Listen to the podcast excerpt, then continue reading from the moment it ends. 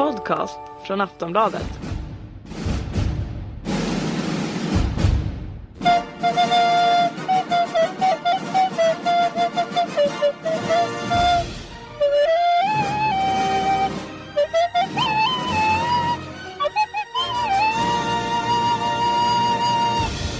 Välkomna tillbaka till eh, Sportbladets handbollspodd. Ehm, och idag så har vi ingen Kentari. Däremot har vi en eh, Per Johansson som... eh, Ja, jag tror att du, du leder gästlistan överlägset Per. Eh, Välkommen förresten. Tack så mycket. Tack så Jag mycket. menar med det att du är den som har varit med överlägset flest gånger. Ja, jag förstod nog vad du menar. Ja, ja men eh, lyssnarna ska också förstå. Ja, Nej, det är väl, det är väl trevligt eh, att prata handboll. ja det, är lite, bra. det är lite eh, tradition att vi tar ett snack med dig dagarna före ett mästerskap. Och, och går igenom det. Och, eh, nu handlar det om damerna och eh, ja, det är väl bara att erkänna att det är inte Kentaris eh, eh, kanske eh, starka sida. Så att eh, istället för att han eh, sitter mestadels tyst eh, i, i bakgrunden så och det trivs han inte med. Så att eh, då är det bättre att han inte är med alls. Utan, eh, utan att vi, du och jag kör bara. Tycker det var en bra värdering faktiskt. Ja. Eh, tanken är ju att vi eh, som brukligt är då eh, gå igenom VM grupp för grupp och eh, sen kör vi väl i vanlig ordning att vi, eller du, tippar, tippar hela, hela mästerskapet fram så vi når fram till en final och så. Mm. Eh, men eh, det ska vi komma till då naturligtvis för det är ju, den, det är ju liksom VM-specialen det här. Men eh, vi eh, ska ha ett eh, litet meddelande från vår eh, kära samarbetspartner iPlay. Och nu börjar det hända lite grejer. Eh, till att börja med iPlay, ni som lyssnar på det här vet väl att det eh, kommer att bli en unik social plattform för sport som knyter samman aktiva klubbar, fans, agenter och förmedlare över hela världen. Och nu kan man faktiskt gå in på iplay.global och där kan man förregistrera sig. Jag tror det står pre-register eller någonting sånt här. Och då kan man följa, och nu citerar jag eh, Arrhenius höll jag på att säga, men, men super-users. Som till exempel Bella Guldén, Mattias Andersson, Jonas Kjellman, Tobias Karlsson, Fredrik Petersen och Ola Lindgren. Det är ju tunga namn i handbolls-Sverige han har eh, fått med där. Och, eh, så gå in där, förregistrera er eh, och sen kommer det ju då komma igång desto mer så småningom. Men redan nu kan man alltså då följa några av de här, några av våra största eh, handbollsspelare och profiler vi har. Det var det det. Nu Per. Eh, sen, sen du var med senast så har vi ju infört en sån här liten faktaruta. Eh, kan ju tyckas överflödig för någon som har varit med i podden tio gånger eller någonting snart. Om vi räknar in alla de vi körde i under här-VM i januari från Qatar. Men eh, ja, vi kör den ändå. Hur gammal är du nu för tiden? Jag har fyllt 45 vet du. eh, Känns ju känns ju sådär, men så är det. Ja. Ja, jag fyllde 40 i somras. Hur firade du din 45-årsdag? Eh, ja, jag åt god mat och, och drack lite och hade lite aktiviteter. Så att det var i ett litet sällskap. Så att det var, det var trevligt. Ja, ja det är ungefär så jag firade min 40-årsdag också. Eh, var bor du? Jag bor ju klart mest i Kungälv. Eh, och sen eh, har jag ett ställe i Hunnebostrand också. Men eh, basen har blivit mer och mer Kungälv. Mm. Tar Familj? min- Ja, Ja, fästmö. Eh, tre barn i lite olika former. Eh, fast som är barn fortfarande. Alltså olika former ja. ja. med ett, Olika relationer. ett eget barn, och, eller ett biologiskt barn och vi har två ihop. Men tre totalt. Och så Ja. hund, häst och katt. Det är väl eh, en kort beskrivning om familjen. Vad är yrke? Ja, diverse arbetare kanske, men det är ju ganska starkt kopplat till handbollen i olika former fortfarande. Är det ju. Men Ja. det är ju, S- Ska vi gå igenom vad du gör nu? För att jag menar du, du var ju förbundskapten för damerna i många år. Eh, det var liksom den, den stora rollen. Och sen så, ja, nu, nu är du lite överallt. Och expert har du också. TV-expert har du varit i många år också. ja, Hur ser det ut nu då? Jag har varit två. Eh, som basen är ju att jag jobbar i Kungälvs HK. Eh, har en halvtidstjänst där. Jobbar med juniorer och A-lag på tjejsidan. Sen andra halvan i Alingsås. Handbollsklubb då. Eh, team manager, eh, sportligt ansvarig för elitlaget på herrsidan. Så är det väl eh, det som ligger där. i- Var ligger Kungälvs damer då? I vilken division? Kungälvs damer leder division 1, eh, södra. före eh, Hallby där legenden Claes Ribendal verkar som tränare. Så att det blir väl ett race mellan de två klubbarna skulle, skulle jag tro om vem som vinner den serien. Mm, mm. Sen håller du till i Norrland ibland.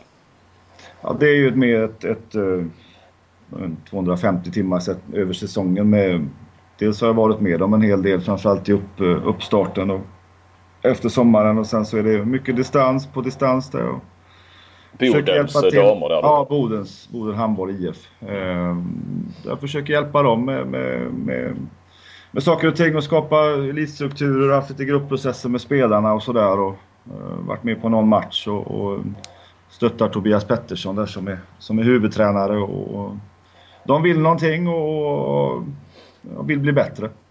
Tobbe ska vi bli, hjälpa landslaget nu att klippa lite så Sivertsson igår berättade. Ja, det tror jag. Eh, att alltså, det var i hamn ja. Klippa andra gruppen så att säga? Ja, eller? det är han ju duktig på. Det gjorde han ju under min, mina sista tre mästerskap så var han med. Det, det är han skicklig på. Så det, det tycker jag är bra att de engagerat honom. Mm. Uh, ja, sen skriver jag lite gruppanalyser på match emellanåt. Uh, tidningen Match. Uh, föreläser någon gång då och då. Mm. och så är det intensiva tv-perioder. Jag åker inte runt med tv varje vecka. Men jag jobbar för Discovery som är kanal 5 och Eurosport kanal 9. Med flera kanaler. Så det är väl, det är väl lite blandat. Så diversarbetare är väl ett bra uttryck kanske. Och så någon föreläsning då och då. Ja. Eh, va, ja. Eh, ja, du får ju tiden att gå ja. Ja. Jo, det får jag. Det är inte... Ja, det får jag. Eller ja. Eh, det, det får jag ju. Du, ja, men du ska du sitta... Nu du, åker du till Danmark precis som jag gör imorgon. Ja, det gör jag. För femman köpte ju då både ja, årets två VM i januari och, och herrarna och nu damerna. Mm. Eh, sen är det ju Viasat som har eh, allting eh, här i varje fall nästa år. Jag vet inte hur det är sen VM 2017. Är det, är det någon som har köpt dem rättigheterna ännu. Det är det inte va? Nej, det är inte sålt. Det är inte sålt. Alltså mitt engagemang med, med Discovery är ju de här två mästerskapen som du nämnde. Mm. Så att, um, vi får väl se vad som händer efter det. Ja, som sagt vi har satt har alltså här EM, Champions League, OS och hemma-EM för damer nästa år. Och då går ditt kontrakt ut. Vad, får vi se dig där? Du har varit på, du, du har gjort SVT, TV4 har ju hoppat ganska rejält. Femman? Ja, SVT och fyran till femman. Sen, eh, jag trivs jättebra på femman. Jag tycker det har blivit, det har varit jättetrevligt att, att vara med dem och jag jobbar för dem så länge som, som eh, ja, det finns någonting att göra. Och, men det är klart, just i dagsläget finns det ju bara detta mästerskapet. Ja, det gör det. Och då får vi ta en diskussion om, om ja, vad de har för framtidsvisioner. De har ju OS eh, om inte annat. Det är ju långt fram i tiden men de har ju köpt in sig på en massa OS. Så att, eh, ja, det har jag vet inte. Jag gör det här VMet nu och så får jag prata med dem sen. Så det är klart att eh, Viasat sitter ju ganska med, med ganska etablerad personal också med Martin Frändesjö och Pärlskog och Claes Hellgren. Så att, eh, men som sagt, jag tycker det är roligt att kommentera mästerskap så att jag gör ju gärna det i någon form i framtiden också. Kanske helst då på Discovery om de Mm. Kanske köper VM 2017. Vi får väl se. Mm. Men, eh, ja precis. Men du är inte främmande för att byta en gång till? Eller det är så det funkar i? Nå, det jag vet inte hur det funkar riktigt. Jag har väl blivit, blivit scoutad av eh, TV4 och sen av TV5 eller kanal 5 och sen eh, mm. Beror det väl på om, om, som sagt, om Discovery ska sända någon handboll överhuvudtaget. Det, det har jag ingen uppfattning om. Det är ju som sagt, mitt engagemang med dem är ju de här två mästerskapen som, som är nu 2015. Ja. Och, um, finns det inget att kommentera så känns det ju... Ja, vi, mm. du förstår Johan. Ja, ja för fan. Det blir lite silly season här kanske, ja, jul och nyår. Kanske. Mm. kanske. Mm. Det eh, ska vi, innan vi kommer in på damerna, så jag vill ändå snacka lite elitserien herrarna också. Eh, du är ändå, eh, du har ju koll på den också med ditt engagemang i Alingsås om inte annat. Ja. Va, ta några snabba frågor. Vilket lag har imponerat på dig? Ja, Kristianstad visar ju musklerna ganska rejält och imponerar. Jag har ju en, en vad gäller svensk mått mätt en, en otrolig bredd. Eh, kan ju också köpa in en spelare som Gudmundsson här som ju såklart inte är gratis mitt under säsongen när man har en ganska sprängfylld trupp. Så det är klart att de bygger ju någonting rejält för framtiden. Men gör ju också resultat med det laget de har. Ehm, så att de ser ju väldigt, väldigt starka ut. Det gör de. Hur, hur, hur bra eh, är de, om man ska jämföra med, ja är, är det ett av de bästa elitserielagen vi har sett i, ja, på länge i varje fall. Man eh, brukar ju snacka om eh, ja, RIKs där 2003 var Wislanders sista år där. När de gick till eh, Eh, final i cupvinnarcupen. Eh, Sävehof hade ju ett väldigt bra lag ja. sen åren därefter också. 05. Ja, det finns ju några sådana dynastier med, med Drott hade ju också en ja. vända där de slog Barcelona och lite sånt och, och Hammarby Sera och, och, och sådär. Och, Ehm, jag tror ju på sikt med de förutsättningar de håller på att skapa nu i Kristianstad så, så är det väl ganska tydligt att man, man går inte bara för det nationella utan man går stenhårt på att etablera sig i Europa har ju gjort det på riktigt eh, i år och kommer ju säkert att kunna byta ut en del spelare och bli ännu bättre och spetsa till det på, på sikt. Så att jag tror att de har ju den största kanske potentialen att, att eh, bli det bästa svenska eh, laget genom tiderna. Det, det, är väldigt tveksamt om, de är där ännu. Det är de ju inte. Nej, men, men eh, jag tror inte att eh, exempelvis RIK, Drott och Hammarby och Sävehof kanske hade de förutsättningarna att, att eh, att ta det vidare ett steg till. Eh, det, det, har väl eh, kanske Kristianstad med tanke på ekonomi och, och, och, och intresse framförallt och så vidare. Mm. Och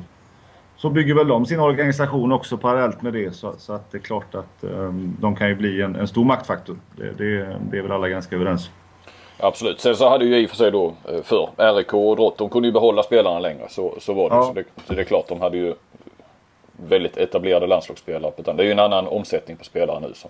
Ja det är det ju men vad jag menar är att Kristianstad har ju också kanske, om de blir av med spelare, har ju också en, en, en, lite mer muskler kanske att köpa in nya spelare. Ja, ta de lite bästa ja. från, eller alla bästa kanske, men ja de bästa i norska ligan. Ja. Och, och... Det, är väl kanske det som är skillnaden mm. mot de tidigare dynastierna om vi kallar det. Eh, Precis. Om man tittar lite i kristallkulan så, så, så klart att de har ju har det bra förspänt. Eh, vilka har överraskat på dig i årets elitserie?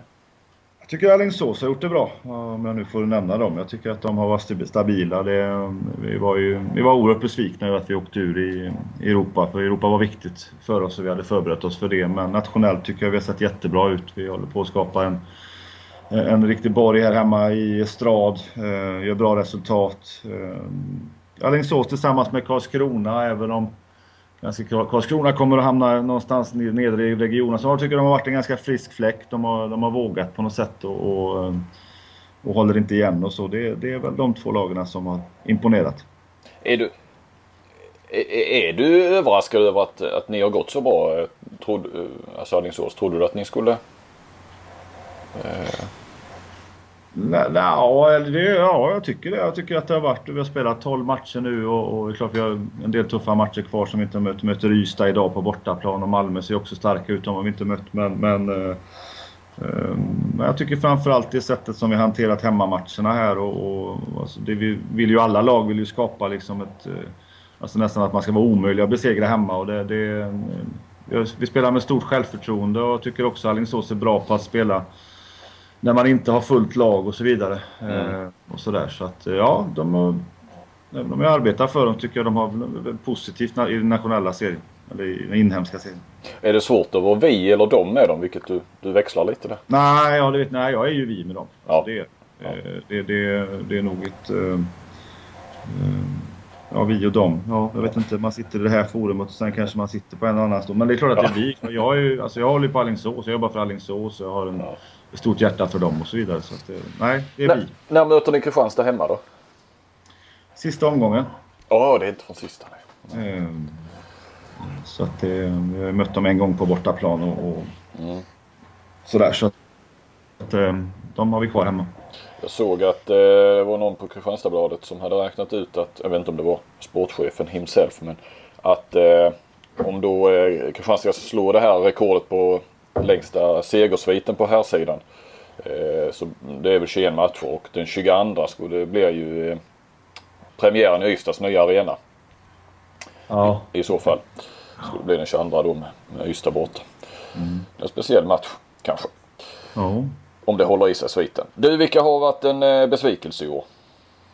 Ja, Drott är ju såklart den eh, absolut största besvikelsen. Det, det kanske, man kan tycka att Skövde är det och Rico också kanske, men jag tycker framförallt Drott och på det eh, hur de har fallit igenom och, och hur de in, är lite grann i fritt fall faktiskt. De, eh, alltså, samma som igår, man släpper 33 mål hemma mot Aranäs och mm. de har det ju ohyggligt tungt ehm, har ju ändå en, en, en första uppställning anfallsmässigt som är, är, inte alls så dum men uh, har ju inte hittat sin struktur i försvaret och med, tillsammans med målvakt. Så att, uh, ja, det är odiskutabelt för mig den, den, ja, den stora negativa ja. överraskningen. Även om det ingen, ingen överraskning skulle ligga i de nedre regionerna men, men uh,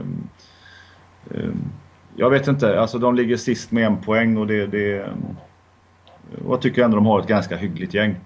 Ja, och de har ju någonstans en elitserieerfarenhet. De kan inte heller, som, som en del som kommer upp, har ju kanske ändå det här som Schäfert har pratat mycket om i Karlskrona. Att nu ska vi helt plötsligt, innan spelar vi en match i veckan och det var liksom och, och, och ja, om man ligger i toppen av en serie och så, så hamnar man i elitserien och ska spela dubbla matcher. Och, han var ju tidigt inne på att han hade domarna emot sig och nej men hela den biten va. Det, ja. menar, där har ju inte drott. De har ju, de har ju lekt elitserien sedan 68 så att eh, mm. där finns ju inget sånt heller att, att det på något vis är en i en division upp. Och ja, de har det kämpigt. 725 åskådare igår såg jag att det var. Ja. Eh, det, en sak som vi har vi väl bollat i den här podden tidigare, jag och Kentari. Det är inga skrällar i år känns det som. Eh, nu, sen vi pratade om det kanske det var någon här som jag, ah, jag, jag kommer inte ihåg exakt men det var något av de här mittenlagen inblandat. Men det känns som det blir mer och mer skiktat i elitserien. Alltså tidigare eh, skiktat på något vis i, under säsongen. Det är två tredjedelar kvar nästan men, men eh, det är klart Kristianstad är ju i en klass för sig. Det, det, det, det kan man ju konstatera så här långt. Sen, sen är det väl en, en kvartett kanske på AOK, Ystad, Skövde och, och eller Sävehof och Malmö som, som eh, ser ganska jämna och ser ganska homogena ut. Lugi sliter väl lite just nu och tappat lite poäng sådär men, men hakar nog på. Sen Guif har tappat lite i slagstyrka. Hammarby och RIK kommer ju bättre än botten men kommer att vara där någonstans i ingenmansland tror jag. Uh, ingenmansland kan ju också innebära en åttonde plats men någonstans där mittemellan och sen är... Som de alltid är i och för sig, ja. Ja det är de ju alltid kanske men de, jag tror de kommer att vara ganska många poäng efter de här första fem tror jag. Mm. Uh, sen är ju de fem sista lagen i serien är ju klart sämre än lag 1 till 8 så att uh, en ganska naturlig skiktning kan man väl säga också. Det, det är väl för att eh, Sävehof har blivit bättre, Malmö har blivit bättre, Ystad har blivit bättre eh, och Alingsås de eh, ja, är ju som mm. de har varit de senaste säsongerna och kanske också de lite bättre. Så att, eh, en naturlig skiktning. Mm. Du, eh, och så det kort om landslaget herrar. Eh, ja. Stora frågan är truppen tas ut här nu om 14 dagar ungefär. 18 eller 19 tror jag det var. Eh, och den stora frågan är ju, eh, ja, stora frågan är väl om Kim Andersson eh, ställer upp eh, eller inte kanske. Men också på den andra 9 meters eller vänster 9. Eh, vilka som ska med där. Det är ju en strid på kniven känns det som in i det sista. Där de nog kommer gå lite på, på dagsform och sådär. Vad, eh, vilka vill du se? Två eller tre stycken eller? Alltså, man får ju ändå säga att Östlund och, och och Marcus Olsson gjorde det bra sist VM eh, utifrån sina förutsättningar. Mm. Saknar kanske den här sista internationella spetsen även om Olsson var jättebra i Skjern och får spela internationellt och sådär. Östlund har ju lite tungt i sitt Guif men, men, men är ju en, en, skicklig spelare. Sen det är klart man, man kan hoppas någonstans att Lukas Nilsson skulle vara redo för att slå igenom. Det, det, det är ju möjligt. Han har ju här mot det här ungerska laget i F-cupen nu var han ju fullständigt formidabel och gjorde väl en bortemot en 30 mål på två matcher. Det är klart att eh, där har du ju en spelare som, som, som med rätt och god utveckling eh, kan ju bli ett, ett, ett, ett, riktigt, riktigt eh, bra namn. Alltså i, kanske utifrån i paritet vad vi, vad vi trodde med Kim Ekdahl Duré om han nu skulle fortsätta och så vidare. Där har du ju mm. en spelare med fler, eh, ja, fler bra egenskaper eller ett djävulskott och så vidare. Så mm. att, jag vet jag inte en sån som Jonas Larholm vet jag inte, har ju, nämns ju aldrig någonstans längre. Jag kan inte säga att jag har koll på honom i, i, i team Tvis Holstebro. Men, men ja. är han helt ute i bilden. Men det var han ju sist också. Men, mm. Ja, det var inte så svar på frågan men... Men, eh, men du som har varit förbundskapten och suttit och, och ska ta ut en trupp och eh, där det handlar om som nu till exempel för, för Ola Lindgren och Staffan Olsson att ta sig till ett OS-kval. Det är ju eh, sen så ja, sen slutar de ju typ efter den här Ja. säsongen. Det räknar ju alla med. Och Ja. liksom, de, de behöver inte bry sig om eh, det är klart att de känner säkert ett ansvar för svensk handboll och landslagshandboll i framtiden. Men för dem handlar det inte om att bygga för framtiden någonstans. Utan nu är det ju all in på att klara ett OS-kval. Eh, Då att ta ut en sån spelare som Lukas Nilsson. Hur, eh, hur resonerar man och hade du ta, tagit ut honom? Många menar ju att det är liksom, det, han ska inte med för att lära heller utan han är så bra nu så han ska med bara därför. Andra menar ju att, att eh, eh Ja, och att det inte är fel att, att få ett mästerskap som ung och man kan ju ta ut tre stycken på vänsternio och sådär. Hur tänker man som förbundskapten? Jag tror att som förbundskapten så lever man ständigt med att prestera på kort sikt och ändå kanske ha en, en, en eh, tanke som sträcker sig längre än, än, än närmaste mästerskapet. Men för Sveriges del så, så är ju det här eh, EM EMet otroligt viktigt och det är också viktigt för att man ska kunna ta den här eh, chansen till att få spela OS-kval och sen OS. Så, så att... Eh, Ja, hur hade jag resonerat? Jag hade givetvis tagit ut det laget som, som gör att vi kan prestera mest. Vi har en jättetuff lottning i EM exempelvis med ska vi säga, nu Slovenien, Spanien och eh, Tyskland. Tyskland ja. Ehm, och det är klart att med Lukas Nilsson, vad han har presterat det sista, det är klart att han måste ha stärkt sina aktier något oerhört skulle jag tro. Mm. Ehm, sen är det ju det här pusslandet med truppen. Man börjar med en trupp ett halvår innan och sen förändras den hit och dit och till slut måste man bestämma sig. Och, eh, jag tror nog att Lukas Nilsson kommer att komma med. Men samtidigt är inte jag alls så insatt eh, som, som Staffan och Ola är. Men, men jag, tror, jag tror de får svårt att undvara honom. Mm. Eh, det tror jag. Du vet, jag kom på, du, vi missade ju några punkter i faktarutan. Eh, Så vi får dra igenom. Vi gjorde. Ja, sitter ju lyssnarna och undrar var, var tog favoritlyssningen vägen? Vem har du där? Nja, Patti Smith är väl den som alltid återkommer och har väl gjort de senaste 25 åren. Så att hon är väl den som le- överlever. Hu- Husgudinnan. Ja, kan man väl säga. Läsning. Ja, Bodil Malmsten är ju en stor favorit. Eh, Det är inte alltid jag läser henne, men jag återkommer ofta till henne. Eh, Gillar henne just nu. Eh, Hon skriver betraktelser om, om livet på ett bra sätt tycker jag. Fantastiskt språk, så det är väl en favorit. TV. Nästan bara serier. Eh, Fargo går nu. Eh, Ser du sådär, eh, alltså det är eh, många avsnitt. Du kan se två, tre avsnitt i rad eller så. Eller plöjer jag, liksom kan, en jag kan trycka otroligt mycket nu. Alltså, det är bra att fylla tid också så fort man har lite tid över och, och sådär så kan man se på en serie. Men ja, jag kan fastna i serier. Mm. Nu är den här eh, Fargo är suggestiv och väldigt så white trash och väldigt eh, sådär amerikanskt på något sätt i och för sig men ganska bra. Ja. Film. Ja, det finns ju mycket film. Det hänsynslösa, Reservoir Dogs, eh, lång, gammal film. Det är väl kanske den bästa. Sajt. Ja, eh, Kommetal Skopjes gamla fanforum är väl det som eh, vad gäller handboll och så. Eh, nu heter det handboll 1, 2, 3 numera men det är väl där man kan få det är väl den om man gäller handboll och om man framförallt på damsidan. Sen, sen är det ju, jag tycker de här handbollskanalen gör ett jättebra jobb nu och samlar ihop eh, Ja. punkt, jag vet den här som ja, heter handbollskanalen.se. De är ju Ja, det är ju handboll. Mm. Sen är ju det ett helt annat utbud numera med handboll. Men det är ju mycket lättare att få fatt i, eh, få fatt i nyheter. Även om det igår grävde jag ganska djupt i angolansk press för att få tag i Angola. Det är ju inte så jävla lätt men, men samtidigt är det ju det lite roligt när man grottar ner sig. Så att, eh. Sen i övrigt så har jag ingen speciell eh, sajt. Så. Nej. Favoritmat. Och östeuropeisk mat just nu. Eh, norditalienskt kan ju vara för att jag var i Bergamo här för någon månad sedan i och för sig. Men eh, lite mer robust föda kanske som polska fläsklägg exempelvis. är ju gott. Ja, det, det, det såg jag att du lade ut någon bild. Att du satt och käkade det är i... Skalonka.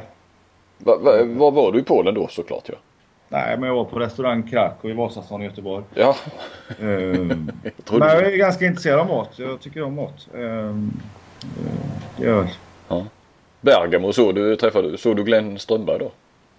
Ja, jag var faktiskt ute och käkade en eh, kväll eh, Jaha. tillsammans. Så det var trevligt. Han visade mig runt i Bergamos gamla stad lite grann. Så att det var en trevlig kväll.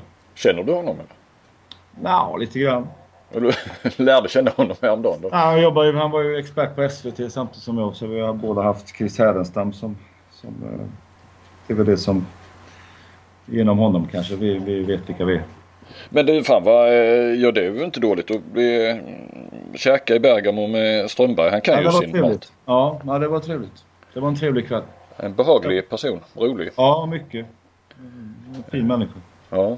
Du, hörde du, de skrek inte på torget eh, ge Glenn laget? Du- nej det kommer inte du ihåg. Nej, de skrek så fort de såg honom, El, Cap, El, El Capitano eller Il Capitano. Det var ju så fort. Ja, Det var så, ja. Han var inte helt okänd, han var inte helt anonym. Det var inte, Ja, för jag kommer ihåg det är ju säkert tio år sedan och sånt. Då vet jag, jag tror att det var eh, Robert Laul, min kollega. Eh, som eh, eh, då hade, eh, vad heter de? Atalanta heter ju klubben där ja. Sparkat sin tränare. Och eh, ja, Glenn bodde ju i Bergamo då som han gör nu och, och, och sådär. Så ringde och frågade om, om eh, inte, om inte Glenn, han ringde och frågade Glenn om han inte skulle ta över Atalanta. Nej, sa det ska jag nog inte men de skriker på gator och torg, ge Glenn laget. Vilket jag tyckte Ja. var fantastiskt. Ja, det är något som jag och Laul återkommer till många gånger. Eh, ja, det var fint, fint uttryckt. Och inte, alltså, jag kaxigt kanske men ändå inte liksom eh, sådär. nej. Det så det är. Ge Glenn laget. Du, eh, favoritdryck? Till sist. Ja, alltså det är väl... Jag är inne på Barolo-vin just nu. Eh, tycker jag är gott. Eh, lagrad rom. Ja, det är en gott. belgisk öl. Ja. Och tre raka alkoholhaltiga drycker. Men, men kanske var det du syftade på. Jag vet inte. Lite mjölk också men... men ja, Ja. Ja, livsnjutare. emellan. Ryan Reynolds here from Mint Mobile. With the price of just about everything going up during inflation, we thought we'd bring our prices down. So to help us, we brought in a reverse auctioneer, which is apparently a thing. Mint Mobile unlimited premium wireless. Ready to get 30, 30, bit to get 30, bit to get 20, 20, 20, bit to get 20, 20, bit to get 15, 15, 15, 15 just 15 bucks a month. So, Give it a try at mintmobile.com slash switch. $45 upfront for three months plus taxes and fees. Promo rate for new customers for limited time. Unlimited more than 40 gigabytes per month. Slows. Full terms at mintmobile.com.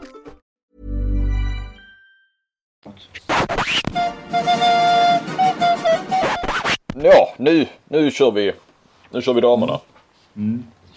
Eh, vad, eh, vad ska, vilken, ska vi börja i Sverigeändan eller ska vi börja med, med grupperna? Vad tycker du? Tycker vi kan börja med grupperna så Kommer vi in på Sverige? se vad det tar vägen. Ja. Och så får vi väl göra en, ett, ett, eh, ett litet stopp där då vi, vi är i Sverige så att säga. Och Ja. prata lite naturligtvis mer om den gruppen och Sverige än, än övriga grupper. Men eh, Grupp A. Jag presenterar lagen i vanlig ordning va?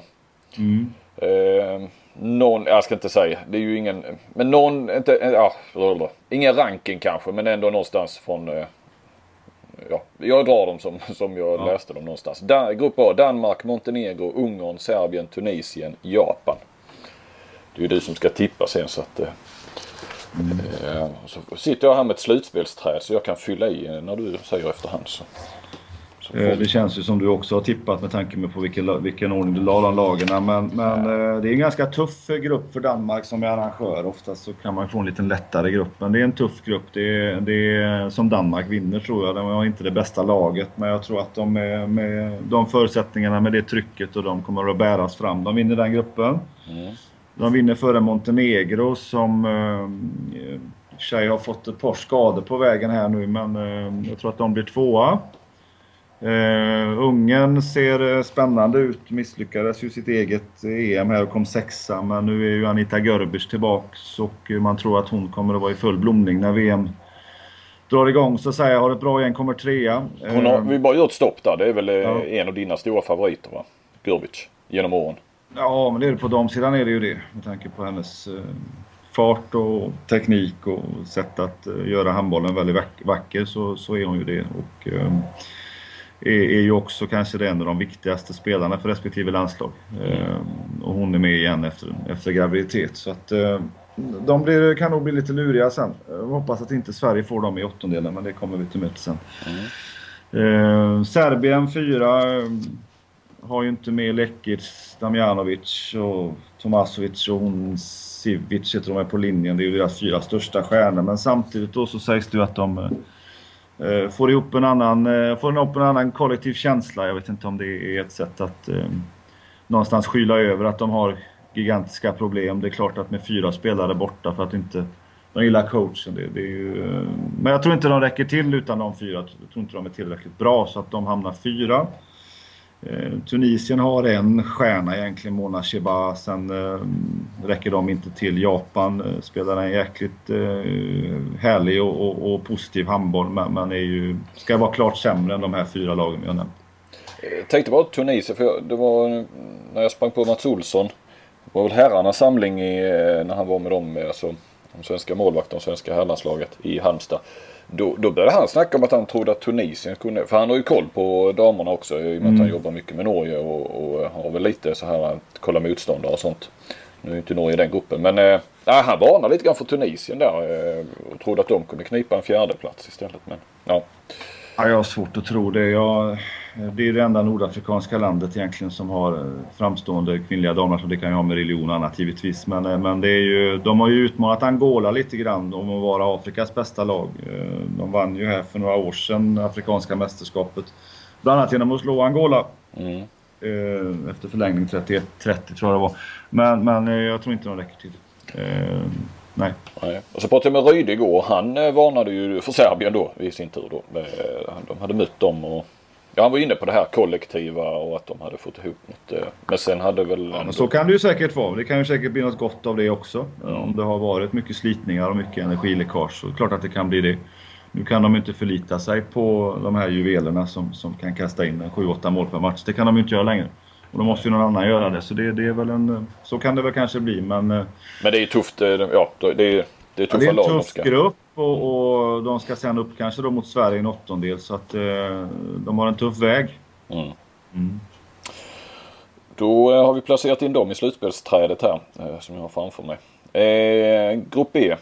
Och eh, ja, jag, jag, det är inte meningen att jag ska tippa men eh, jag, jag, säger dem ändå i någon jäkla ordning. Sverige, Holland, Polen, Angola, Kina, Kuba. Är det världshistoriens lättaste grupp i ett VM eller? Nej, det är det absolut inte. Men det är i alla fall det här VMets på förhand lättaste grupp som jag...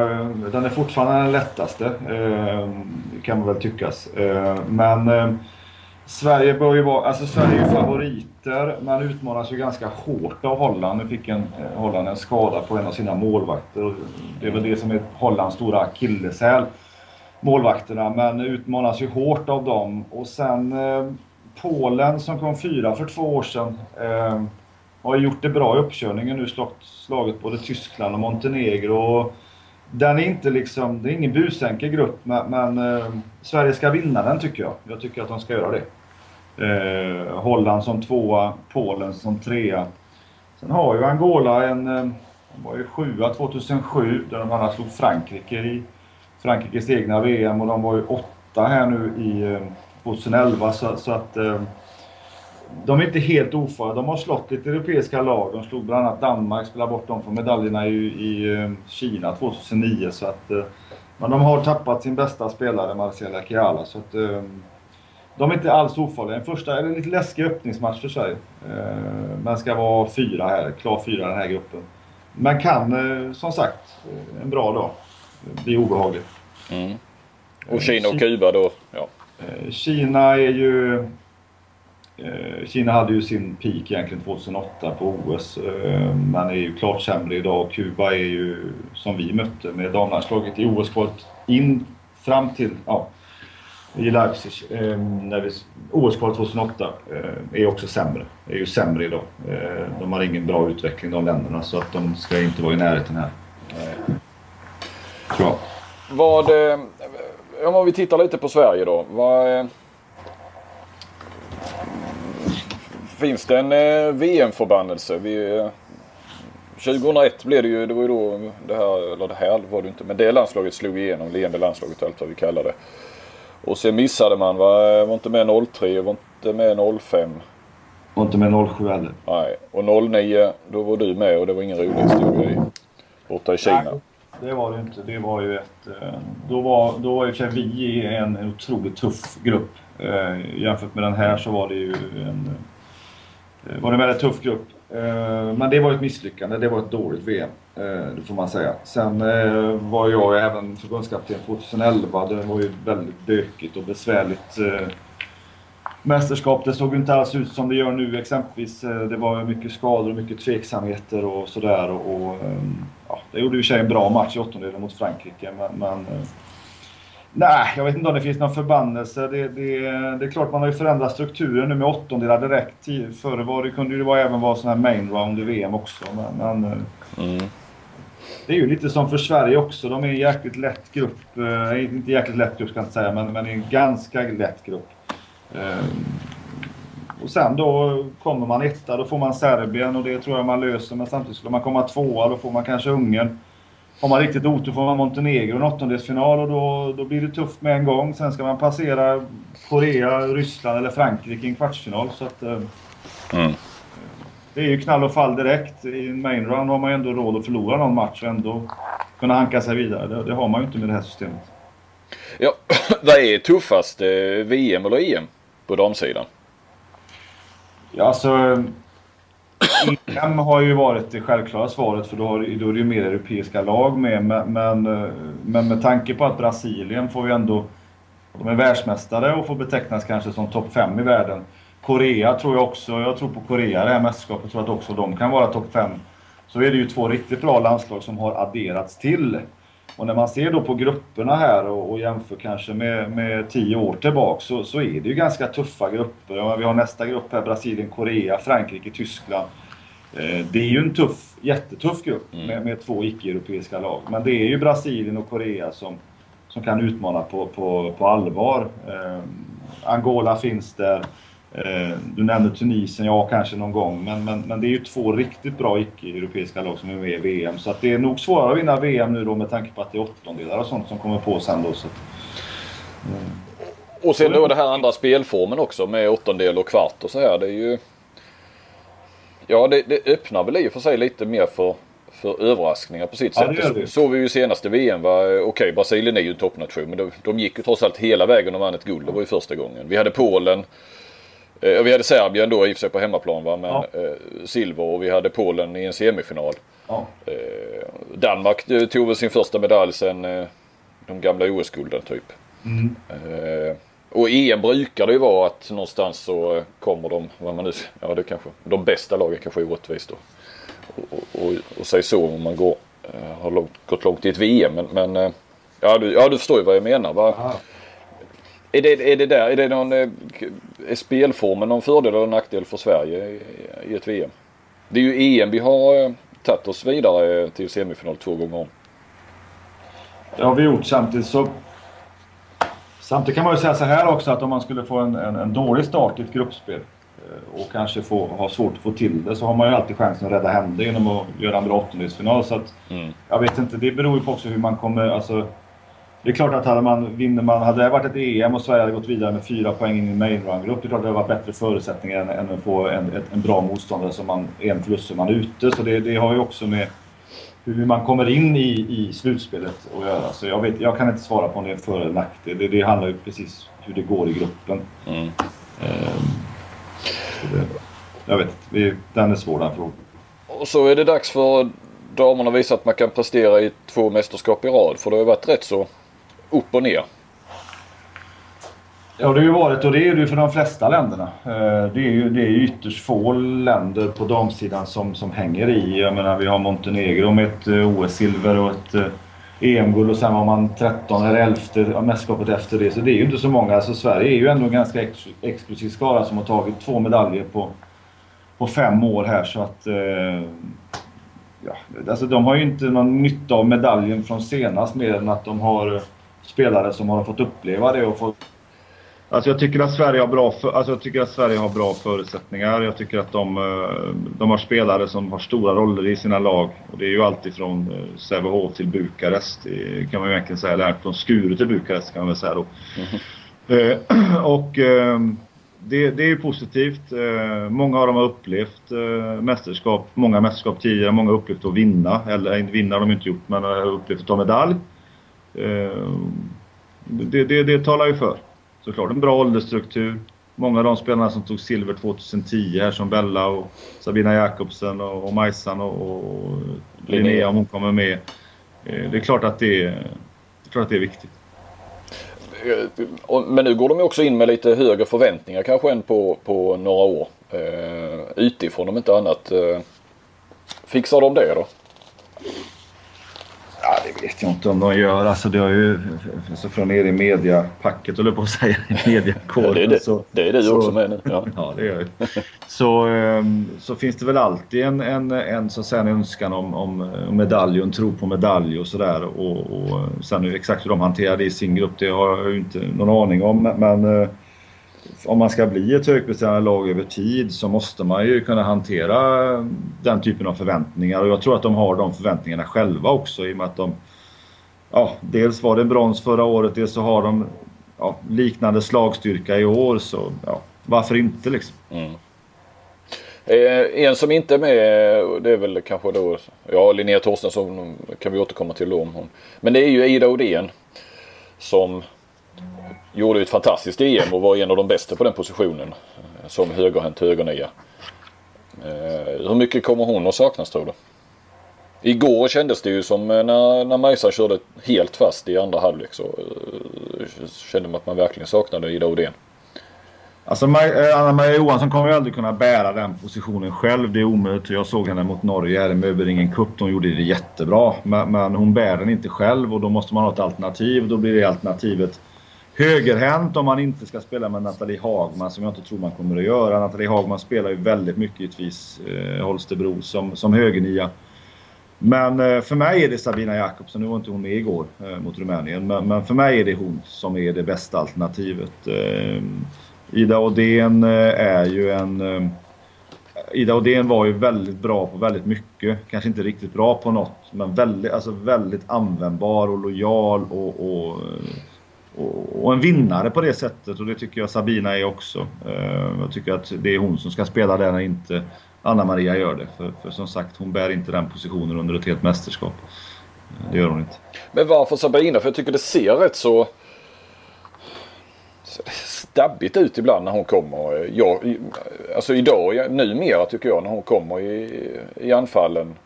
Och, eller kommer ju oftast, det är väl i andra fasen man ser henne numera då i landslaget. Eh, Eh, på högernie. Och ibland kan man ju nästan svårt att, att, att tro att hon vann eh, skytteligan som 18-åring eller någonting i elitserien. För hon, oh. Ja med all respekt, hon är ju en fantastisk försvarsspelare. Men det, hon ser ju inte ut som en eh, niometersspelare nästan tycker jag. Eller är jag orättvis nu? Det... Ja, det var, det var en ganska hård, det var en ganska hård dom faktiskt. Hon har ett kort löpsteg. Äh, men för mig hon är hon är hänsynslös, hon är tuff, hon går på, hon är väldigt lojal. Hon gör det. Hon kan spela på många positioner. Ja, ja jag håller med i allt det du säger. Jag ser ingen, alltså jag ser, jag ser henne som det alternativet. Sen, sen eh, hur Sivertsson resonerar, det, det, det vet jag inte. Men jag vet inte vem som ska spela där och göra det bättre. Eh, än vad hon gör. Han måste ju någonstans välja på sikt. Det behöver han ju inte göra kanske i alla de första matcherna här. Men till, när det väl ska gälla sen så, så måste han ju vara ganska klar i vem är det som ska gå där. För att Eh, Eh, Anna Maria har ju väldigt fina egenskaper, explosiv och grymma starter och så vidare. Men hon måste byta anfall-försvar. Eh, hon kommer inte att ja, fylla det hela vägen och, då, då, tror jag att eh, Sabina är det bästa alternativet. Mm. Nej, de andra är väl Jamina Roberts och, och Johanna Alm. Jenny Alm vet jag. Jag tror man vet att, att Sivertsson egentligen hade tänkt eh, satsa en del på. Men eh, det har han inte kunnat göra nu under hela VM-uppladdningen. I och med Linneas skada så har ju Jenny Alm då fått, fått gå bara vänsternie. Ja, och då blir ju hon vänsternia i så fall. Eh, mm. Eh, och det är ju, då är det ju där hon kommer att spela. Sen mm. är ju Jamina Roberts är ju en spelare som, som självklart också kan spela på högernie utifrån att få fart och fläkt och alla de här grejerna som hon står för. Men hon blir ju också ett komplement på vänsternie så att eh, det är, väl se, det är väl frågan att se hur de ska hantera henne. Hon, hon har ju någonstans fastnat i den här jokerrollen och har ju, svår, alltså har ju över tid svårt att bli placerad, Jamina. Som i viss mån Johanna Alm också eh, har svårt kanske att, hur de ska hantera hennes roll och vad hon ska göra. Men eh, det blir ju ett spel med Jamina som högernia och det kanske kan bli ett lite mer stabilare spel med Sabina och det kanske är det utifrån vad man, vad man behöver i matcherna och, och så vidare. Nu, nu var ju, gjorde ju Amina riktigt, ett par riktigt fina grejer igår. Så det är självklart, det finns det alternativ men, men, men någonstans vem, vem ska han välja när det väl gäller? Det är ju mm. det som är frågan. Johanna Alm ja, som går, har gått strålande i i Danmark. Det känns som inte att man har eh, fått ut hela hennes potential på något vis i, i landslaget på, på många år. Men hon kom ju fram en gång som det var ju, ja hon är ju nog några år äldre, ett par år äldre än Bella Guldén. Men jag minns ju i OS när du var med där 2008. Och, och, ja, sen kom ju Bella och, någonstans gick om henne och, och Johanna hade problem med, med skador och så var ju inte med då när ni tog silver 2010. Och sen dess känns det som att hon har, ja hon har inte varit given eller Ja given är hon ju i en trupp naturligtvis men ja, just som du pratade om att den här rollen, vilken roll hon har. Så hon är Ja. ja. jag tyckte hon gjorde ett jättebra beslut att hon lämnade Viborg, hamnade i Esbjerg och nu, nu då går i... Eh, Mittjylland. Eh, Mittjylland. Alltså jag tycker att det var bra för henne. Det är lyft för henne. Hon hade gjort det jättebra. Eh, där. Sen är ju sen är det en, eh, en spelare som, som eh, jag tror man kan få ut jäkligt mycket av. Men eh, det, det verkar också som hon är lite svårplacerad. Alltså vad är det hon för roll hon ska ha? Vad är det hon ska göra? Eh, och så står man där med Bella och så vill man ha Bella så mycket som möjligt på plan och så... Ja, det, det, Jenny Alm gick går ganska bra i skyttet, okej, okay, då hamnar de lite bakom där och så vidare. Så hon är ju en... Har ju blivit mer av en hjälpgumma i, i, i landslaget. Eh, men det är klart att eh, det finns ju mer av henne. Det finns ju mer att få ut av henne i landslaget. Det gäller ju bara för, henne, för, för coacherna att hitta vilken roll hon ska ha. Sen, sen är det ju en konkurrenssituation givetvis också. Eh, som är tuff på 9 meter i Sverige idag. Eh, där man ändå lämnar, man lämnar hemma en del ganska skapliga 9 meterspelare. Eh, så det, det, det är en tuff konkurrens. Eh, Absolut. Och, och, där handlar det ju någonstans om att försöka maximera eh, alltså Jaminas roll, Johanna Halms roll och så vidare. Mm. Eh, och det är väl svårigheten, det är, det är väl utmaningen för, för Sivertsson skulle jag tro. Vi har ju taggerat då Linnea Torstensson ja. Hur viktig, viktigt är det att hon eh,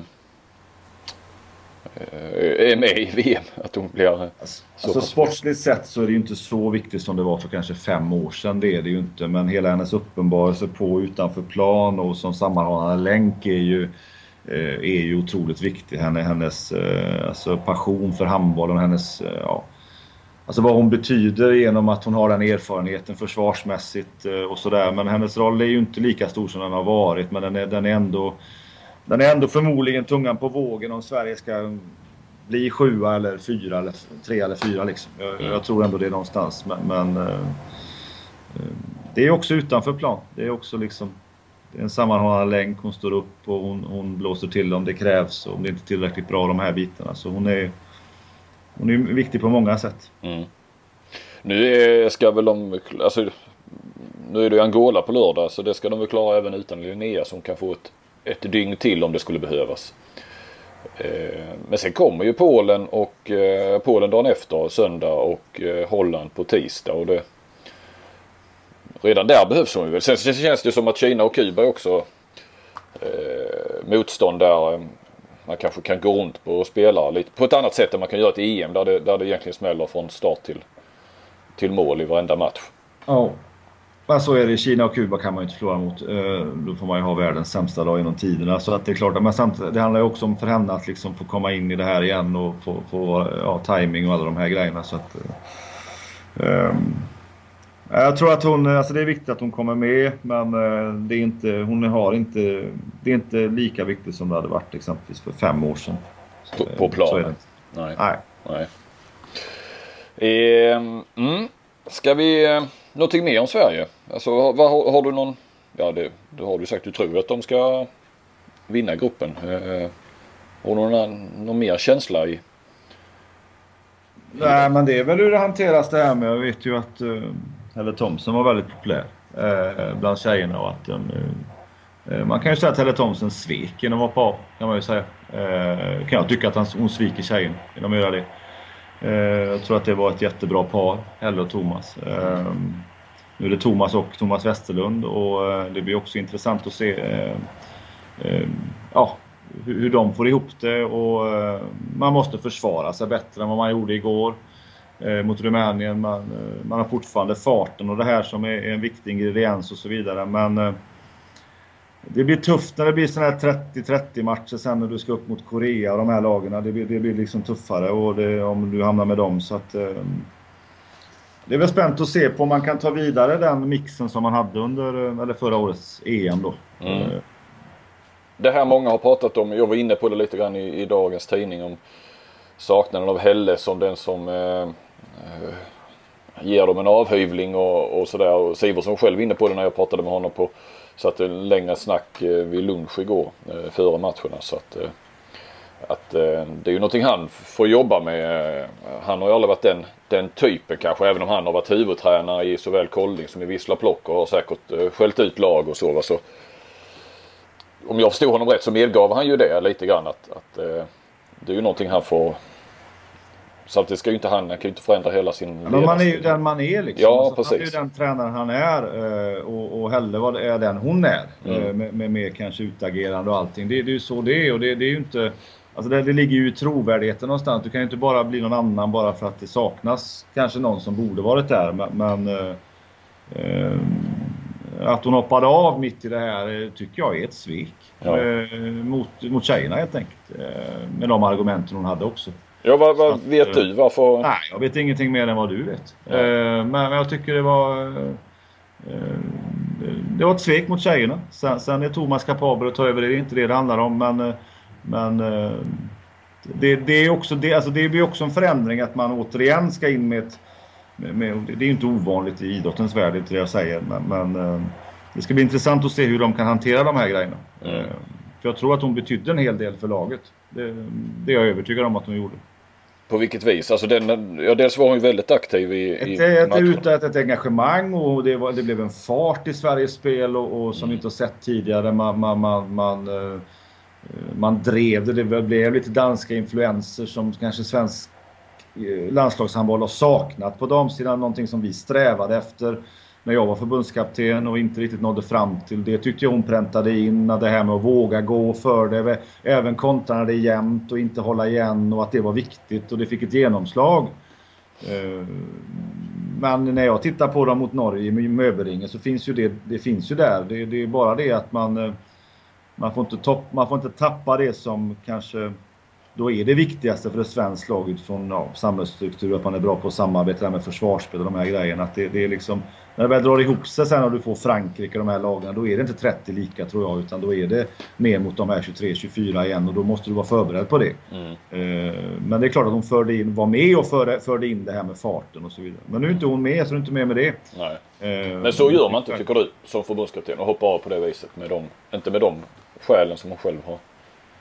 Nej, men jag, jag tyckte det var ett svek mot tjejerna. Jag vet att tjejerna var jävligt besvikna på, på det som hade dragits igång och var de var på väg och, och någonstans och så försvann de bara. Så att det, det var mer det. Mm. Eh, Med konstaterande. Så Sen har väl hon sina skäl att hoppa av. Eh, förstår jag att hon har. Men, men eh, jag tyckte det kom olyckligt. Ja, man kan ju tycka det ska speciellt till eh, när de står inför ett sånt här 13 månader som Ja. Eh, med, med, med ett, ett VM i hennes, eh, hennes hemland och handboll, damhandbollens mecka och sen då ett OS-kval och troligen ett OS, eller troligen men förhoppningsvis och sen ett hemma-EM för vår del då i Sverige. Det är ju, det är ju kanske de häftigaste 13 månaderna svensk damhandboll har varit med om på sätt och vis. Ja. Som, som det känns nu på förhand Ja. i alla fall. Men hon hade väl sina skäl. Ja. Eh, som vi inte riktigt har, jag tror inte allting har kommit fram där. Men där har ju vi gjort ett dåligt jobb så att, eh, inte du, men eh, ja.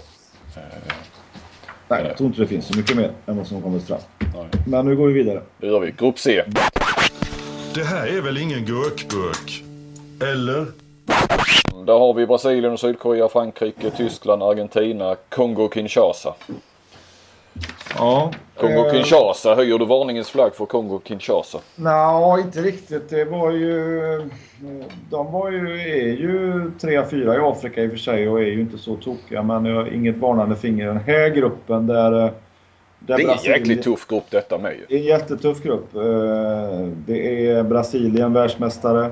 Eh, Korea som vann U21 här nu sist på damsidan med, med en fin kull det året. Det är VM innan OS också. Eh, intressanta är ju att eh, Korea har inte varit sämre i OS än fyra sedan 86. Det har inte med det här att göra. Men, men, eh, men har, en, har en bra senior, har en bra, alltså bra ungdomskullar på väg in. Jag tror de blir livsfarliga i VM. Och gör alltid en sån här supersatsning väl, rent, alltså Ja. hemma inför ett OS-år. Ja, det gör de. De lyckas ju sällan i VM. Det gör de ju inte. Det är väl 20 år sedan de tog medalj. 95 tog de väl brons tror jag. Så att, Eh, men men eh, har, har ett bra gäng. Jättebra gäng. Det bästa på, på många år tycker jag. Eh, Frankrike med sitt stjärnbanér är ju det laget i, på damsidan egentligen som har underpresterat mest utifrån materialet de har. Men har ju ett jättebra... Alice Pinot är magisk just nu. Spelar i Bayamara och har gjort det under kanske sin bästa säsong på, på väldigt, väldigt länge. Hon har varit mycket skade, skadedrabbad men har ett kanongäng helt enkelt. Um, Tyskland sliter ju jättemycket. En dansk tränare nu som har uh, ju rensat ut lite äldre spelare och, och gör säkert rätt i det. Um, svaga resultat senaste åren. Um, blir, ja, blir nog fyra här då mm. uh, i den här gruppen. Argentina blir bättre och bättre. Eh, tar nog femteplatsen, Kongo sex. Men Argentina är inte som på här sidan. De är inte lika Nej. långt fram där. Nej. Eller här som där. Nej. Nej. Eh, nej det är klart. Alltså, jag sa att det är en tuff grupp. Jag, visst, Tyskland är ju inte är väl inte så bra längre men... Men, eh... Nej, men de är ju ändå, det är ju ändå bra lag. Alltså det, det, nu har de haft lite tufft här. De förlorade, har förlorat mycket i, i, i träningsmatcherna inför här och, och sådär. Och han håller på med någon form av generationsväxling men eh, det, det, är ändå det är ju det är ett lag som utan, man kan slå Frankrike utan att man tycker att det är speciellt konstigt. Inte det, men jag tror inte de räcker till här. Jag tror de blir fyra.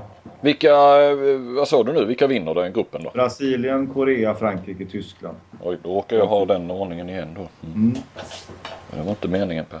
Nej, det var nog inte meningen. Den hade du nog inte tippat. För hade du tippat hade du nog kanske haft Frankrike som två. Ja, helt rätt. Eh, så ska jag bara fylla i mina lag sådär. Eh, vi går vidare med grupp D. Eh, den tycker jag eh, också känns, eh, den känns tuff. Alltså inga säker vilka fyra som går vidare naturligtvis. Men ja, vi, vi drar dem. Det, nu tar vi dem lite då huller om buller. Vi, ja, mm. men då tar vi Norge då. Norge eh, är ju också ett spännande lag såklart som alltid och, och bär favoritskapet här.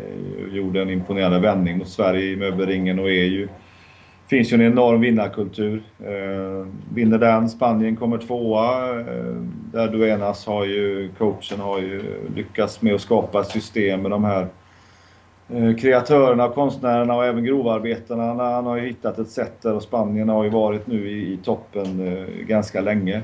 EM-final senast ja. Ja, EM-final senast och har ju en otroligt fin mix av spelare och han har också lyckats få in det i ett system som jag är imponerad av. Eh, Ryssland har ju ett eh, helvetes bra lag igen kan man väl säga. Eh, nu är Trefilov tillbaks, de missar ju sist VM och sådär. Det är bara frågan om de får ihop det, men de har ju ett jättefint lag alltså med både med rutinerade spelare som Blitznova och, och, några till och sen har de här unga härliga ungdomskullarna de har. Och det är ju bara frågan om man får ihop det. Eh, Rumänien var imponerad av igår, eh, får jag säga. Eh, har ju inte den naturliga påfyllningen på något sätt som kanske Ryssland har. Eh, och har haft. Men, och, och, men såg bra ut. Eh, har ju Niago som kanske är den största kvinnliga stjärnan eh, just nu. Mm. På 9 meter. Jag tror inte de räcker till men jag tycker att de, de ser bättre ut än vad jag trodde. Mm. Men blir nog fyra i den här gruppen. Så man kan ju säga att grupp A, C och D är ju är ju det fyra riktigt bra lag i de grupperna. Det är därför jag kan säga man kanske med, med, med gott samvete att Sveriges grupp har du inte de här kanonerna. Alltså där har du ju Sverige, Holland, Polen. Här har du ju Norge, Spanien, Ryssland, Rumänien. Eller i grupp C, Brasilien, Korea, Frankrike, Tyskland. Mm. Så att, eh, Va, mm. Tippar du på grupp B? Sa vi där vem som blir tvåa bakom Sverige? Ja, Holland. Holland va? Och sen Polen och Angola, precis. Tror jag. Eh, nej. Kazakstan, Puerto Rico är, är ju, är, kommer ju inte komma i närheten. Nej.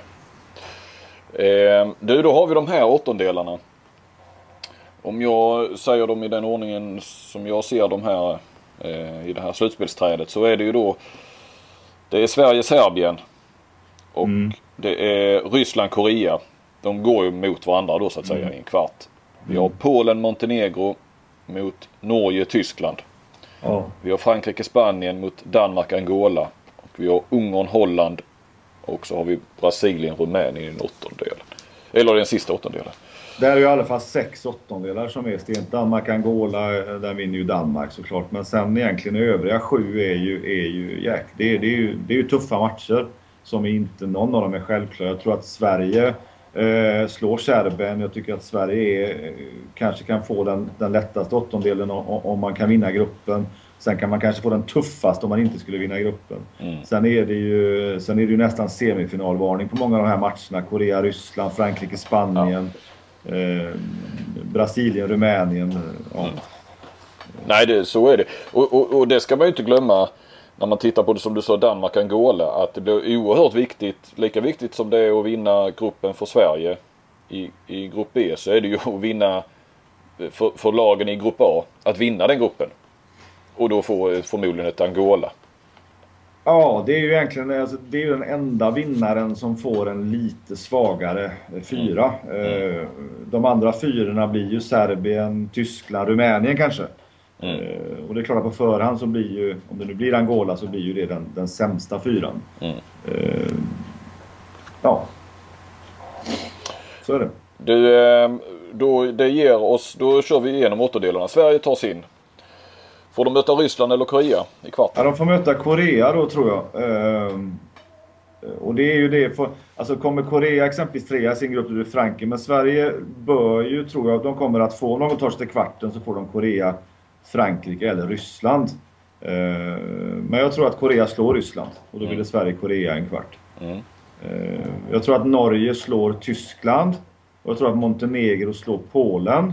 Då har vi Montenegro, Norge, Norge, Montenegro redan i en kvartsfinal. Jag tror att Danmark som är inne på slår Angola. Jag tror att Spanien slår Frankrike. Det är ju en 50-50 match. Men alltså jag tror att de, det blir Danmark-Spanien då. Mm. Eh, Brasilien eh, vinner mot Rumänien. Eh, och sen så, så går jag på Holland faktiskt. Eh, Okej. Att de slår Ungern. Eh, Det är alltid bra att ha någon liten mindre skräll med sig. Nu är kanske inte det någon skräll men, men eh, eh, jag kan se Holland eh, i en kvartsfinal också. Mm. Kvartsfinalerna som följer. Sverige, Korea, Montenegro, Norge, Spanien, Danmark och Holland, Brasilien. Och det blir ju, alltså det är väldigt mycket med hjärta. Jag eh, Ja. vet inte om jag tror på det riktigt men jag, jag skiter i det. Sverige slår Korea. Mm. Eh, Norge slår Montenegro. Det skulle kunna vara en final det där ju. Den kvarten. Ja. Och Danmark slår Spanien och Brasilien slår Holland. Det innebär att vi står med fyra lag varav tre skandinaviska i en, eh, i en semifinal, i två semifinaler precis på samma sätt som för fem år sedan när det gick, i- i, i Norge och Danmark. Det var, då var det bara så att det var ett EM och då var det Spanien som var det fjärde laget. Men jag tror att lite grann på traditionens makt där också även om jag ytterst tveksam om Sverige överlever en kvartsfinal. Men, men eh, jag går ändå på det. Då möter Sverige Norge och Danmark möter Brasilien. Där vinner Norge. Mm. Och Brasilien. Och eh, jag tror tyvärr att Sverige förlorar en bronsmatch mot Danmark. Ja, i Norge. Härning inför 12 000 i boxen. Ja, det tror jag. Eh, för fem år sedan missade Danmark mot Rumänien just. Nu sa jag fel, det var inte Spanien. Nej, det var. Rumänien. Rumänien. Eh, I en match som slutade 16-15 eller liknande. Så då var det 12 000 också. Men, eh, Ja. Eh, men jag trycker in Sverige bland top, i topp 4. Eh, rätt eller fel, det vet jag inte. Men eh, inte orealistiskt i alla fall. Vilken, alltså jag bara tittar, om man bara tittar på vägen fram där. Ja till exempel, jag tänkte sådant som Spanien då som får, får kanske då, om det nu går som det vi tror här nu, till exempel Frankrike i en åttondel. Danmark i en semifinal. Ja den är ju 50-50 och eh, säg, ja nu ska jag inte krångla till det för lyssnarna men säg att Spanien skulle vinna den då måste de slå Brasilien. Ja. Eh, De har, som ska slå ut Frankrike, eh, Danmark, Brasilien i, i eh, sin väg fram. Då kan man ju säga att om de skulle ta sig till final Spanien så är ju de ett ytterst välförtjänt lag att spela en final. Ja, det kan man Men den vägen är ju blytung när de dessutom har Norge, Ryssland och Rumänien i sin grupp också. Ja, dessutom. Ja, nej, det var ju ett exempel. Alltså det är ju... eh, Ja, även många Norge då som stöter på ett. Montenegro i en kvart. Nej. Det, det är många bra lag. Det blir tuffare det blir tätare och tätare i toppen. Det är fler och fler lag om budet för varje mästerskap som går. Och det, det är väl... eh, Det, det är väl också bra att det är så. Ska vi också bara helt kort reda ut för lyssnarna att eh, det här spel, det spelas ju med OS-kvalplats också. Mm. Eh, Men det är faktum är ju att Sverige mm, med största säkerhet redan har en plats i OS-kvalet eh, i och med bronsplatsen eh, i EM. För det som, för att man ska inte komma till OS-kval via den vägen tack vare EM-bronset så krävs det att två utomeuropeiska länder möts i VM-finalen och det skulle vara Korea och Brasilien. Nu har du i och för sig varnat för Korea här men det har ju aldrig hänt att, att två utomeuropeiska länder möts i en VM-final så att eh, Nej, men sannolikheten är i alla fall eh, som störst det här med så att det skulle kunna ske. Jag tror inte det sker, men det har inte varit i närheten att det skulle kunna ske tidigare. Men nu kan det ske. Ja det kan ske absolut. Men det ska ju också vara i kombination med att Sverige inte går vidare från, eh, inte går till en kvartsfinal till exempel. Nej. Så att, eh, det är ju rätt mycket som ska slå in för att Sverige ska missa ett OS-kval. Ja, så är det Lättast, eller lättast är det ju inte men bäst hade ju varit att vinna VM för då är man, slipper man ju kvala till OS. Så är det. Eh, Sverige har haft på damsidan en förmåga annars att göra re- resultat i, bra resultat i eh, rätt EM om man säger så ju. Ni, eh, ni gick direkt till OS ja. Ja det gjorde ni ju. Silver. Vi hade ju flyt där för att vi, vi kom ju... Det, vi blev ju kontinentalmästare då med tanke på att Norge vann VM 2011 och då blev ju vi Ja. Europas representant i OS. Så att det, det var ju en... Det var lite som ett Kinderägg där faktiskt. Det var ju en, dels en silver, silvermedalj, direkt kvalificerat till VM och sen till OS. Ja. Det, det, var ju, det var bra betalt kan man säga. Och i, eh, till eh, Peking-OS hade ni ju också lite eh, flyt. Ni hade ett hemma-EM där ni blev sexa va? Men det var väl också lite att eh, eller blev ni sexa? Ja, Ja, vi, precis. kom sex, vi kom sexa där och det var väl ingen som trodde kanske det skulle räcka. Sen, sen eh, gjorde det ju det och sen hade vi en jättetuff eh, kvalgrupp där vi ju eh, Vann med uddamålet. Ja, förlorade mot Tyskland, slog Kuba och vann med uddamålet mot Kroatien Mm. eh, i en direkt avgörande match. Så den vägen var ju klart mycket tuffare. Ja det var det. Men det var ju, ni kom ju till OS-kvalet via en sjätteplats i EM. Ja. Det gör man ju inte alltid. Nej. Eh, medan eh, på här sidan har det ju varit lite mer otur på det viset ju. Så att, eh, och nu, och nu presta, eh, presterar de ju i, sen, i det här EMet som också då förmodligen blir väldigt viktigt för en OS-kvalplats. Så att, eh, Ja. Bra gjort. Okej du Per. Eh, ja, nu vet ni lyssnare hur det, hur det kommer att sluta det här VMet. Nu ska du bara kommentera det också. Eh, nu ska du få betalt för, för att kommentera det här ja. Ja, Under ett men det, här, det här var ideellt vi gör nu. Ja, jo det är rätt. Ja det är definitivt. Så att, eh, Så det så vi, vi, Nej, jag vet inte om jag får så många rätt på det här. Det är väldigt svårtippat men... eh, Du brukar vara rätt kaxig annars. Så att, eh, vet du det var inför här VM för då påstod du i varje fall, eller så var det väl att du hade nästan Tog du på Qatar där i alla fall? Eh, Ja det gjorde du. Men jag tänkte... Du, Många tippar ju efteråt. Många tippar ju efter eh, turneringen är färdig. Eh, så, så är väl, men det är klart att inte... nej, men jag tror att du då refererade till eh, att du hade tippat dam-EM där och, och du hade prickat rätt mycket där Ja, eh, för ett år sedan. Så att, eh, men det är så, som du sa, det är rätt mycket hjärta här väl med både Sverige och... och, och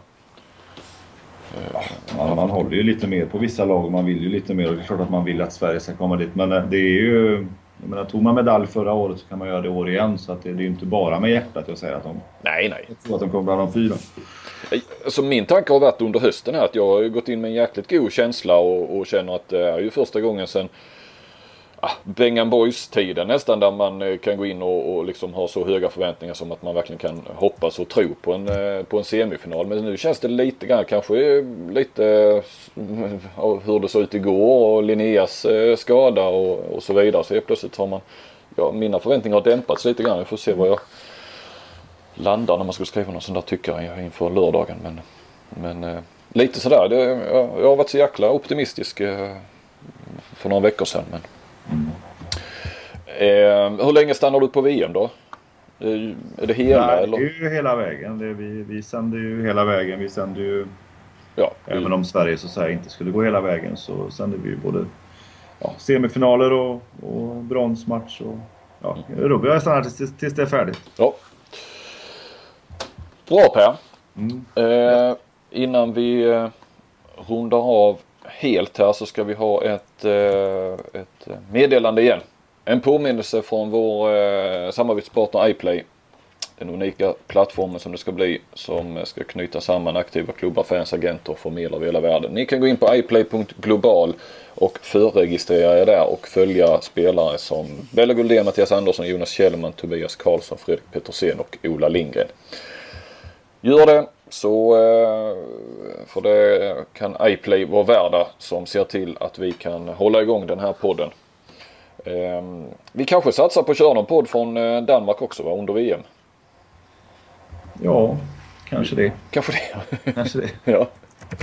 ja, vi får se. Ehm, stort tack Per och Ja. eh, tack för att ni lyssnade och på återhörande förmodligen under VM någon gång i varje fall. Tack ska ni ha. Tack Per. Tack. Hej. Hej.